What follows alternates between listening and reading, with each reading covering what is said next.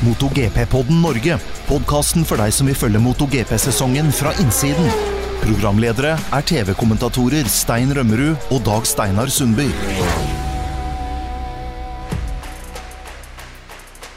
Velkommen til MotoGP-podden episode 15 i dag med Thomas Sigvartsen og Dag Steinar Sundby som eh, gjester. Og i tillegg til meg som er programleder, jeg heter Stein. Så velkommen til eh, dere to, Dag Steinar og Thomas.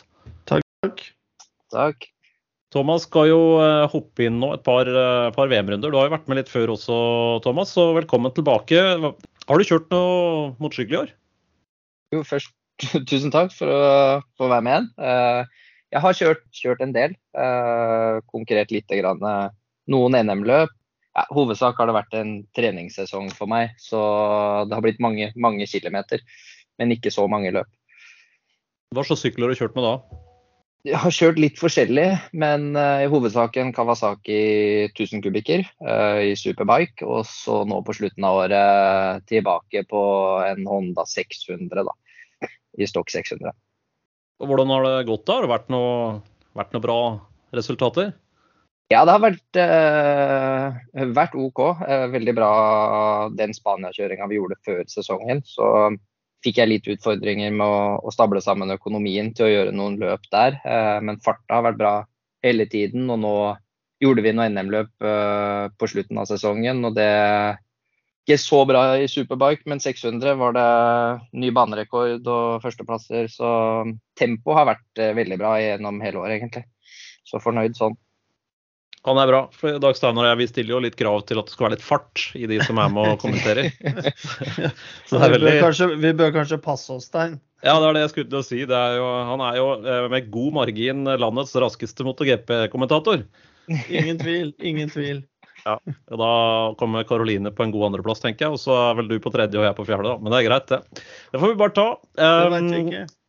Nei, vi burde hatt et sånn Det ble årets julebord. Vi må ha, vi må ha racing. Vi må kjøre om kapp. Men nå er det faktisk VM-runde igjen. Det har vært en kort pause, og hele MotoGP-sirkuset har eh, blitt stabla inn på tre jumbojeter og frakta ganske kraftig østover. Nå er det Motegi den helga her. Og uh, i denne sendinga så skal vi snakke litt om Aragon, det som skjedde der. Ikke mye, lite grann. Og vi skal snakke om denne helgas VM-runde, som er VM-runde nummer 16 på, um, i Japan, på Motegi.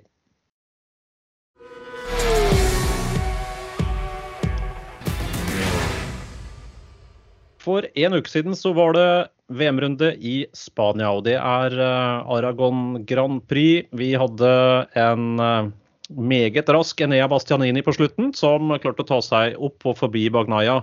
Og uh, han plukka vekk fem poeng da, fra Bagnaya, men likevel, Bagnaya er nå bare ti poeng bak Fabio Quartararo. Quartararo hadde ikke noe bra helg, kjørte rett i hekken på Mark Marquez sin Honda og gikk over ende. Og ikke bare det, men han krasja også på transportveien tilbake igjen til eh, pitlane på en um, scooter. Det var Marshall som skulle kjøre, og de skulle fortsette tilbake igjen.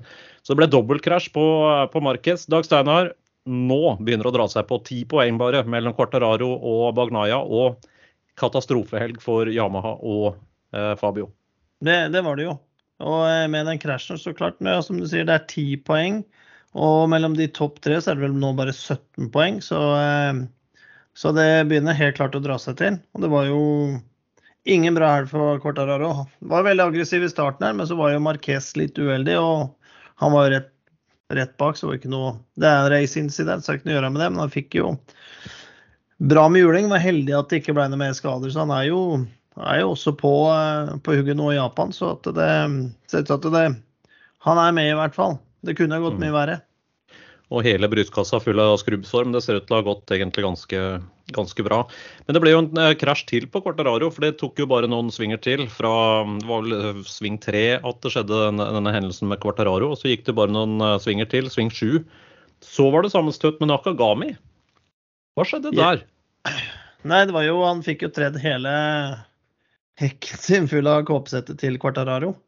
Det er også når han skulle sette på der, devicen ut der av sving 7, var det vel, så eh, låste jo alt seg. Og så eh, ble han jo dratt litt til venstre, og så da var jo eh, Nakagami på hugget òg, så da ble det jo sammenstøt. Og da var det Nakagami som eh, gikk i bakken. og Så så vi bare ned corkscrewen der, så låste jo bakhjulet alt på sykkelen til eh, Marquez, så da var det jo bare å bryte. Så det ble jo kort eh, debutrace nå etter skaden.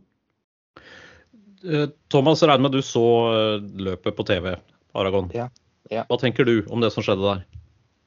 Nei, Jeg syns jo først og fremst at det var litt ergerlig eh, når vi endelig får Markes tilbake igjen i, i sirkuset her. At det, det, skulle bli et sånt utfall. For det I mine øyne så er det altså første, første krasjen eller hendelsen mellom Quartararo og, og Marquez er jo en, en race-incident hvor, hvor, det slipper for, eh, for Marquez. Og Fabio var jo veldig på eh, og så vel egentlig når jeg syns det ser ut som Marquez kommer litt, litt uh, vid inn i sving tre, og da tenker nok Fabio at her har han mulighet til å komme seg forbi inn i sving fire. Så han fyrer jo på ekstra, ekstra der. Og når det slipper ut, så Det er jo en race incident. Det er veldig kjedelig at når Marquez er tilbake, at VM-lederen krasjer ut. For det vil jo ikke han at skal skje.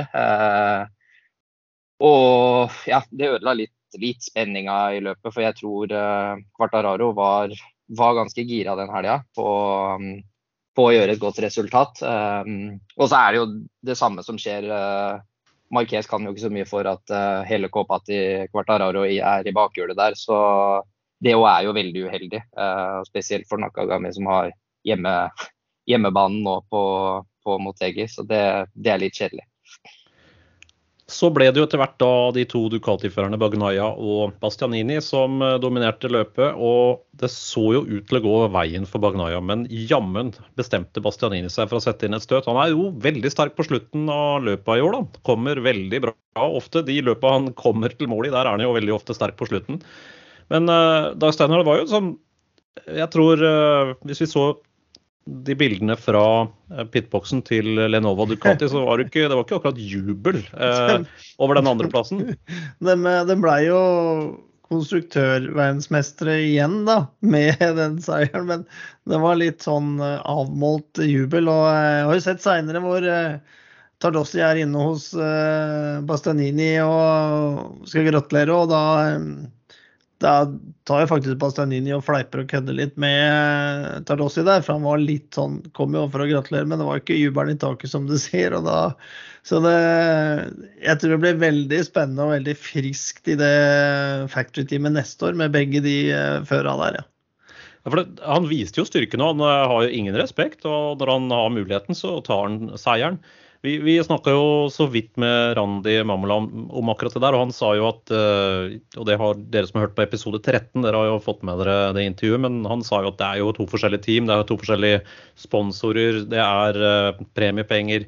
Så han sa det er umulig å egentlig uh, bestemme det fra Ducatis side og si at de som kjører da for Gresini eller for VR46, at de skal slippe fram Bagnaya.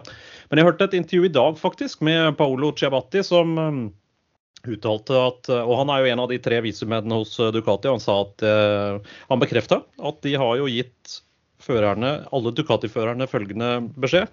Uh, har de mulighet for en seier, så skal de gå for det. Men de må kjøre clean. Det skal ikke være noen farlige eller risikable forbikjøringer på Bagnaya. De skal på en måte beskytte han, og ikke utsette han for risiko. Men klarer de en seier, så går de for det. Men det er jo mange som har diskutert, burde de ikke nå ha gitt en slags, eh, ikke teamordre, for det er jo ikke samme team, men la oss da si et merkeordre. altså Alle som kjører Ducati nå, nå må vi samarbeide. Vi har ikke hatt en førertittel siden Casey Stoner i 2007. Dette er så viktig for oss at nå må vi samarbeide. Eh, Thomas, du har kjørt internasjonal racing i mange år. Hva tenker du? Jeg personlig håper jo ikke at de begynner med noe teamordre. Eh, jeg har vært i samme situasjonen selv når jeg tok en andreplass på, på Jerez eh, i det spanske mesterskapet, så, så lå teamkameraten min an til å vinne mesterskapet. Eh, og da kunne teamet fint sagt at eh, du For han lå som nummer tre. At nå slipper du deg ned og la han komme forbi. Eh, men de ville at jeg skulle få det beste resultatet jeg var kapabel til. Eh, og Det føler jeg liksom MotoGP alltid har vært. Eh, men nå var det mye snakk om det på fritrening 1 i dag, eh, hvor eh, bl.a. Eh, Aprilia ble intervjua om de kom til å gjøre noen teamordre.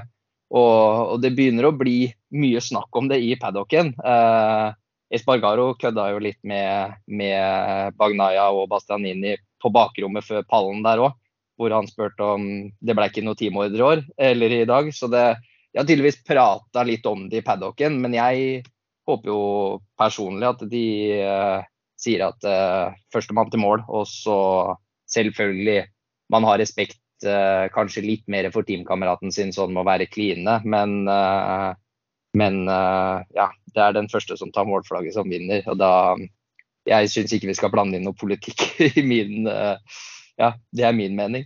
Jeg er helt enig. Og Bagnaya sa det også, han har ikke noe lyst på sånn type hjelp. Han vil vinne fair and square. Det syns jeg er, eh, er, bra. Det er sånn det skal være. Vi som skal følge serien, vi vil jo ha best mulig racing. Førstemann til mål, bestemann vinner. Ikke noe sånn eh, politikk ute på banen. Det er jeg veldig enig i, og da får vi bare håpe at det er sånn det blir. Det ble uansett da en 25-poenger til eh, Bastianini, og det er jo hans fjerde seier i år. Han vant jo i Qatar, USA og Frankrike før i år, og dermed er han den femte Ducati-føreren som har vunnet mer enn tre ganger i MotoGP. Han er nå tre bak Loris Capirossi totalt. Eh, og det er også den femte seieren for en eh, Ducati-fører for et av de uavhengige teamene opp gjennom historien. dette her. Så det er, eh, det er, kult å se. Bastianini viser jo at han har fortjent den plassen i Factory-teamet. Det er ingen tvil om. Men altså i øyeblikket Fabio Cortararo 211. Peko Bagnaya 201. Aleish Espargaro 194. Så det er sju poeng da, som skiller Aleix Espargaro på tredje og Pekko Bagnaya på andre i øyeblikket. Hva tenker dere, har Aleix Espargaro i det hele tatt noen mulighet til å ta tittelen i år? Thomas? Jeg, jeg, tror det blir vanskelig. Eh, jeg tror de er avhengig av litt flaks. Eh, de hadde jo ja, De var ikke helt eh, topp de, de, to første løpa, men i Argentina så virka det ut som det løsna veldig bra. og har jo gjorde de veldig mange gode løp, men så har de plutselig noen helger eh, gjort noe på setupet som gjør at de liksom ikke er med i det hele tatt. og Espargaro har kjørt gode løp og, og henta seg inn bra der, men uh, når du ser liksom formen Bagnaya leverer nå med ja, uh, fire seier og en andreplass de siste fem løpa. Uh, jo litt stang ut de siste løpa nå, men, men han er jo der, han òg. Så um, så er du avhengig av litt flaks, eh, tror jeg, hvis han skal, skal ta steget helt til topps. Enig i dag, Sanar? Ja, jeg er for så vidt enig i det. Altså, han eh, skal litt eh, stang inn og de andre stang ut, for å si det sånn. Og ja, han har jo heller aldri vært i denne posisjonen her, og vi veit jo også eh, hvordan han ja, Følelsene ligger tjukt utenpå skinndressen og veldig emosjonell med og ingen lunte, liksom. Og når det begynner å dra seg til, så skal det bli litt spennende også, også se. Men han har jo klart levert utrolig bra i år. Men det er som Thomas sier, at det er jo noen løp som er eh, da dipper litt for mye. Eh, litt for langt ned på resultatlista. Så eh, Nei, men vi får se. Det er det som er så kult med racingen, for alt kan skje. Men han skal ha bra med stang inn og de andre stang ut, tror jeg. Så Da koker vi det ned til at det dreier seg om kampen mellom Yamaha-fører Fabio Cortararo som nå i dag har 211, og Pekka Bagnaya som har 201. Det er ti poeng som skiller de to, og det er fem løp igjen i årets mesterskap. Og det første av de fem, det går denne helgen.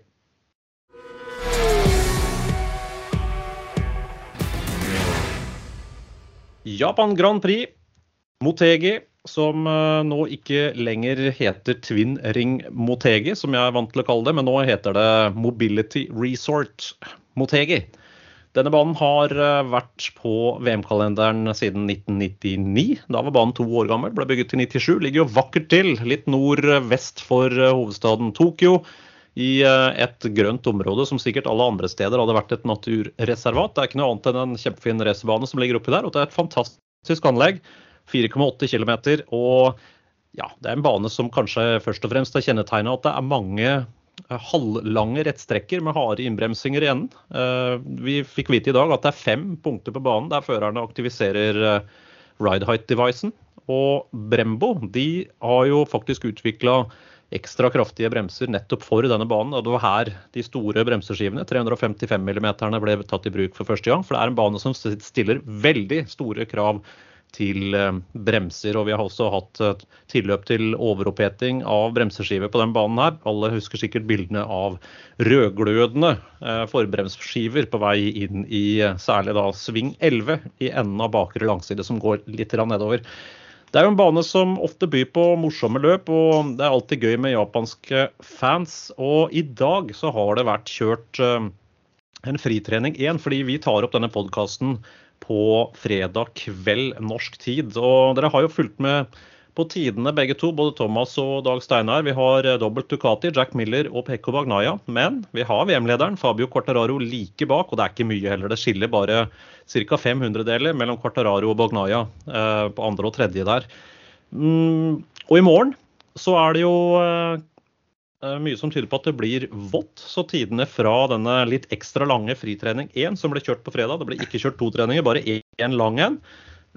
Det ser ut til faktisk å sette rekkefølgen og hvem som skal kjøre i Q1 og Q2. Eh, noen tanker, Thomas? Du har jo sett på, på fritreningen i dag. Ja, nei, det, det er jo litt som lista sier, egentlig. Eh, begge Ducatiene så egentlig ganske sterke ut gjennom hele, hele fritreninga. Eh, Fabio også var, var sterk ut ifra det, det, man kan tyde av race pace eh, på den treninga. Og det var veldig tett. Det er sikkert litt annerledes for dem nå med en ekstra lang FB1. Og veit jo ikke helt hvordan banen er, men den skal jo være ganske eh, godt grep i forhold til Aragon, i hvert fall, fra, fra første runde. Så um, Men jeg syns eh, Ja, begge Jack Miller var jo rask også på, på kvalifiseringa på, um, på, Aragon, og Bagnaya nummer to eh, i løpet der. Så de, de fortsatte der de slapp. og Quartararo så ikke veldig prega ut uh, av den, den krasjen, men uh, han, det virker ut som han er litt kanskje litt mer frustrert på den banen her hvor det har de harde innbremsingene og starter akselerasjon på, på veldig lav hastighet. Da. Eh, så for han uttaler hele tida at han ønsker å få mer i den sykkelen eh, power. Men det er jo ikke den banen med høyest topphastighet akkurat. Det høyeste som er registrert er jo fra 2015. Da kjørte Janoni 314 km i timen. Og det er på fartsmålinga da mellom sving 10 eh, og 11. Så det er jo ikke en, sånn sett en toppspeedbane, men det er mye hard akselerasjon fra lave gir, da, eh, som jo normalt sett bør være litt sånn eh, grei skuring for Ducati. Men det er lett å la seg lure litt av den layouten. fordi hvis vi ser på historien her, så har det jo vært veldig variabelt med hvilke merker som har, uh, har gjort det bra. Uh, Honda er jo den eh, produsenten som har flest seier her, og det er kanskje ikke så rart, for dette er jo en Honda-eit bane, og det ligger til og med et Honda-museum inne på anlegget her. Men de har hatt ni seire her på, på Motegi, med Mark Marquez som de to siste eh, seirene her, da, 2018 og 2019. Ducati har fem seire. Det siste var med Dovi i 2017, da var det vått. og de to andre Ducati-førerne som har vunnet her, det var Loris Capirossi. Han vant jo tre år, 2005, 2006 og 2007. Og Casey Stoner i 2010. Uh, Ducati har vel hatt to pole her også, da, på Motegi. Capirossi i 2005 og 2006 og Dovi i 2014 og 2018. Yamaha derimot, fire seire her. Den siste var i 2014 med Lorenzo. Og forrige pallplass for Yamaha det var eh, Fabio Corteraro i 2019. fordi da var han rookie i MotoGP-klassen og tok faktisk eh, andreplassen i løpet. Eh, han sto på førsterekka og kom seg inn til da andreplass. Det var hans sjette pallplass det året. Og det var her han da vant Rookie of the Year-tittelen i 2019. Han har faktisk kommet først over målstreken her i et løp en gang. Det var i 2018 i Moto 2. Men da viste det seg etterpå at han hadde for lite luft i bakdekket og ble eh, diskvalifisert. Så sånn var det. Eh, Dag Steinar, Fabio, hva tror du? Han har som sagt vært på pallen her i 2019, og det var jo forrige gang eh, MotoGP var her, for det var jo pandemi i 2020 og 2021. så det er mange av førerne nå som faktisk ikke har vært her før. Alle de som har vært rookier i klassen etter 2019, de har jo ikke vært her på MotoGP-sykkel. Hvor mye tror du det betyr? Jeg tror det betyr en del, altså, for, eh, for, flere av førerne som eh, Ja.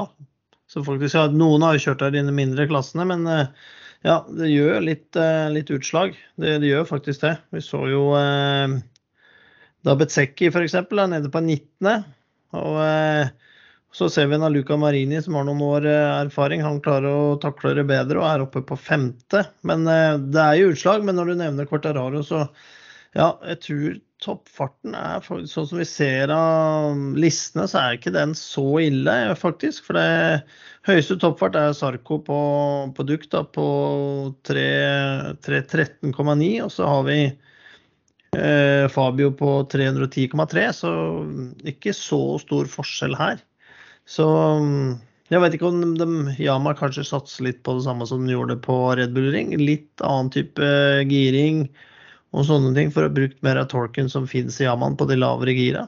Så, sånn som de gjorde der, for de kjørte jo ett gir høyere enn f.eks. Ducati når de kjørte på rundt Red Bull-ring ut av de forskjellige svingene. Mm. Men vi vet jo at Yaman først og fremst har styrken sin i, i lange svinger og ha, kan holde høy kurvehastighet. Men, men, Thomas, dette er jo sånn bane som det er veldig start og stopp harde innbremsinger og som vi sa, harde akselerasjoner fra lav hastighet. Det er vel som sagt fem steder man bruker ride-out-devicen, og det er vel egentlig bare én ordentlig høyfartssving her, og det er sving seks. Ja. Er, eh, de er, er, nede og henter hastighet i, i hver sving, og de, de, sier også at de bruker en helt annen utveksling på den banen her kontra mange andre. Eh, nettopp fordi eh, midcorner er såpass lavt hastighet, da. Så, så jeg altså toppspeeden, det, det, er jo ikke så stor forskjell som resten av lista her. Men nå har jo Ducatin og vi må jo ikke glemme at vi har ikke vært på den banen her på et par år heller. Det er jo da Ducatin kanskje har blitt enda sterkere og sterkere på akkurat den biten her med å, stoppe opp og fyre ut. Selv om Dovi, når han kjørte, var jo liksom forgjengeren til, til den Ducati-sykkelen. så um, så jeg tror de, eh, de, kan bli harde å ha med å gjøre. Men uh, altså det er ingenting som er uh, i stein etter FB1. Uh, Marquez òg syns jeg klarte seg ganske bra ut ifra de skadene han har, og, og på den banen, som, som, fysisk er såpass uh, hard. da. Så, ja, for han, han, er inne på topp ti-lista, han også. Er på sjette. Ja, sjette, ja og tiendedel bak. Ja. ja, det er jo kjempejevnt. Det er jo hvis du ser på Jack Miller, som var raskest, da, 1.44,5. Og tiendemann, Maverick Vinales, 1.44,8. Så det skiller liksom tre tideler da, fra første til tiende. det er jo ja, utrolig jevnt. 19, 19 førere innenfor sekundet. Så det er helt vilt. Ja, Vi ser jo fort det går og jevnt der. og liksom også testfører eh, Tsuda da, han er, bare, han er nummer 25 og bare 2,2 sekunder bak. Men han har jo 11,5 millioner runder på Montegi, så det er jo kanskje ikke så rart. Nei, men det er, det er sånn. Og apropos det, Tsuda. Suzuki han kjører jo da den andre Suzukien denne helga, fordi Mir står jo over nok en gang. Men Suzuki viste litt uh, nye ting i dag. Ja, overraskende nok så fortsetter de å uh, prøve å utvikle sånn. Jeg syns det er uh, helt fantastisk når de egentlig skal ut av mesterskapet nå om ikke lenge.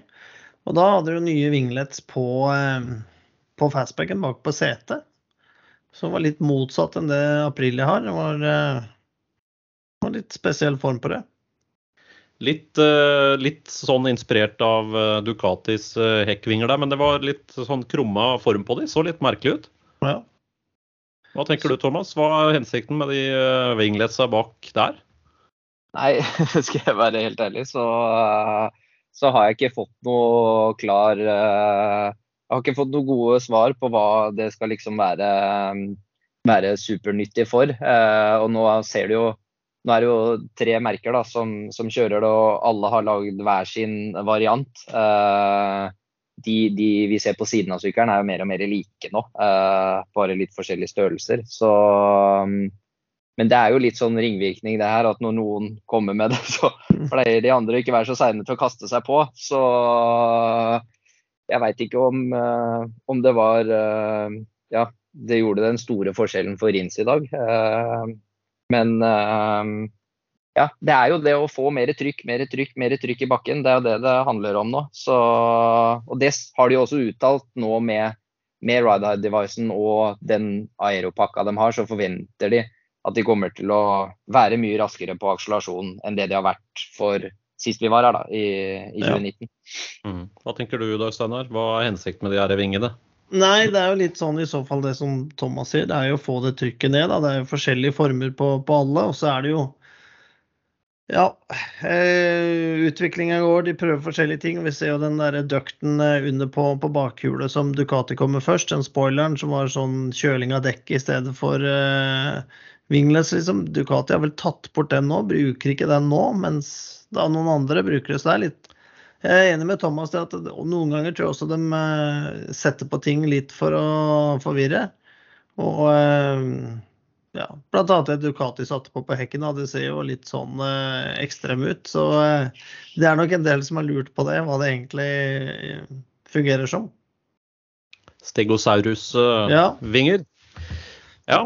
Nei, Det blir interessant å se denne helga hva Suzuki-gutta kan, kan, få til. Det er klart, eh, Jeg er også veldig spent på å se hva Mark Marquez får til her. Han er jo den føreren av de som er aktive fortsatt, som har flest seire her. Han har én uh, seier i 125, én i Moto 2 og tre i MotoGP. Og det var også han som vant her, som sagt, forrige gang MotoGP-klassen var her.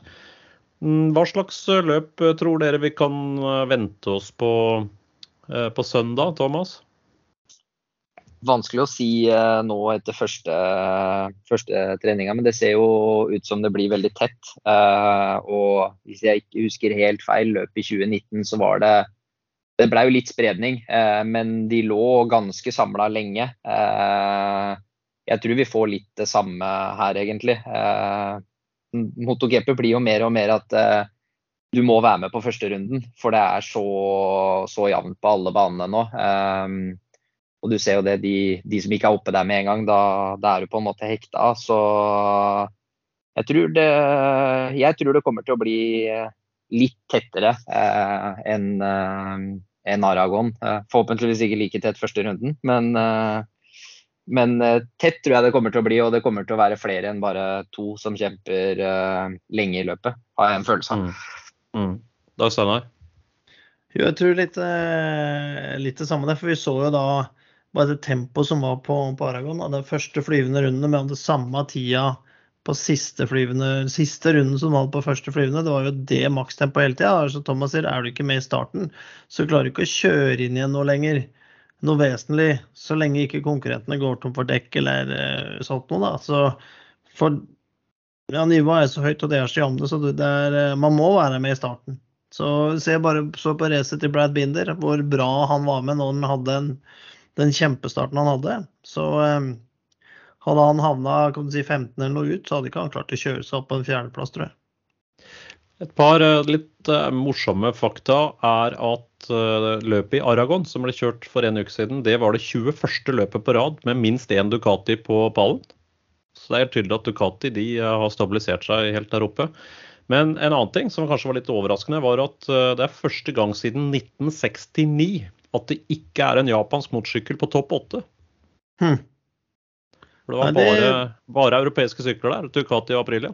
Det viser litt hvordan det, trenden har snudd, da, og eh, hvem som dominerer. Det var jo Det er jo ja, som du sier, 60-tallet hvor det var europeiske sykler som dominerte si, topp ti i forhold til eh, de japanske, før de virkelig trodde til på 70-tallet. Mm. Så jeg tror også pandemien har gjort det litt for uh, jobba vært vanskeligere for de japanske fabrikkene å få, få utvikla like mye kanskje som de europeiske. Men de japanske må nok også forandre på eh, mentaliteten, hvordan de jobber. Skal de henge med i utviklinga sånn som det har vært nå? Tror de europeiske de snur seg mye fortere og tør å prøve mye mer nye ting også under racehelg i forhold til det de japanske fabrikkene sånn tradisjonelt har gjort. da. Mm. Vi eh, har mye å glede oss til denne helga, tror jeg. Og i morgen lørdag så er det også meldt eh, regnvær. Men været er bedre enn det vi frykter, fordi det var jo eh, noen sånne tyfoner som kom innover eh, Japan med noen enorme nedbørsmengder og fryktelig høye vindhastigheter. Noe av det råeste man har sett på meteorologisk side noensinne. Men heldigvis har det holdt seg unna eh, så langt. Så får vi bare håpe at det blir eh, at det blir en bra racehelg. Og det store spenningen er jo selvfølgelig hva skjer i kampen om VM-ledelsen mellom Quartararo og Bagnaya. Det er bare ti poeng som skiller de to nå. Og med denne helgas løp så er det fem løp igjen i årets mesterskap. 125 poeng å kjøre om. Og løpene kommer tett som hagl nå, så her er det bare å holde seg fast. Um, Dag Steinar, er det noe vi har glemt å prate om? Nei, Det var litt med i forhold til det du sa med været og sånne ting, og vann og greier. Det kunne jo gått, fort gått gærent i eh, depotet på Motegi. Det, det var et tilløp til brann der. Og heldigvis så ble den slokka av eh, Suzuki og Aprilia-teamet. Det var jo brann i Mark VDS sin boks. Det var jo en eh, starter, batteridrevet starter som hadde ligget der. Så kom jo vann inn, og så fyra jo dette av gnistdannelse, så det begynte å brenne i boksen til Mark VDS da på Var det torsdag? Torsdag kveld, eller hva det var? Så Det kunne eh, jo det det kunne ha blitt kunne ordentlig blitt ordentlig opprydding med alt som eh, står inne i de pitboxa. Men heldigvis da så var eh, Suzuki-teamet og Aprilia-teamet som var ved siden av, de var til stede, så de brøyt seg faktisk inn for å få slukket den brannen. Så det, det kunne bli Det ble litt mye action, kanskje. Mm. Og det var ikke noe overrislingsanlegg heller, og ikke noe annen form for automatisk brannslukking. Så det kunne fort ha gått skikkelig skikkelig gærent. Og tenk hvis den, eh, hele den raden med pitboxer hadde brent ned. Der har vi også alle årets motorsykler. Eh, Det hadde blitt helt krise. Mesterskapet hadde kanskje vært over. Det hadde nok vært eh, finalen på Aragon som hadde blitt regna ut ifra da, kanskje. Kanskje, kanskje det var Quartararo som gjorde det. Ja, det, det får vi bare la ligge, tror jeg. Ja, jeg tror det. Det var en spøk, folkens. Det, vi uh, tror selvfølgelig ikke på sånne ting. Um, ja, da er vi vel egentlig gjennom lista. Jeg har jo uh, kommenteringsfri denne helga her, så jeg skal jo sitte med beina høyt og se på TV for en gangs skyld. Så skal jeg høre på dere to. Så Thomas, Ja, lykke til. Jo, takk. Store sko å fylle. Ja, det, de er ikke så store. Det, det er, nok, du er nok oppe like tidlig allikevel. Du må ned og se. Ja, ja, ja. Det er sånn det blir, det. Det er vanskelig å, um, vanskelig å ikke, ikke følge med. Vi har fordelt eh, alle disse her fly away-racene litt eh, mellom oss. Så vi har eh, Nå har jeg to løp fri. Så da er det Dag Steinar og, og Thomas som har Japan og Thailand. Og så kommer Caroline Olsen tilbake igjen. Hun har jo kjørt på Philip Island, så da var det naturlig at hun skal kommentere det løpet sammen med meg. Og så tar vi Malaysia. Og så kommer eh, Sundby Racing tilbake igjen med Valencia. Så får vi se da, Dag Steinar. Hvis det ikke er avgjort den, eh, innen den tid, så tror jeg vi bare pakker kofferten og drar ned til Valencia. For det kan jo bli eh, hva det heter, one hell of a ride. Ja, jeg tror at vi er på tur dit da, ja. Det blir veldig spennende uansett. Lykke til med kvalik i morgen, gutter. Og så snakkes vi. Det gjør vi. Takk skal du ha. Takk. Takk, og ha det bra. Du har hørt MotoGP-podden Norge med programledere Stein Rømmerud og Dag Steinar Sundby.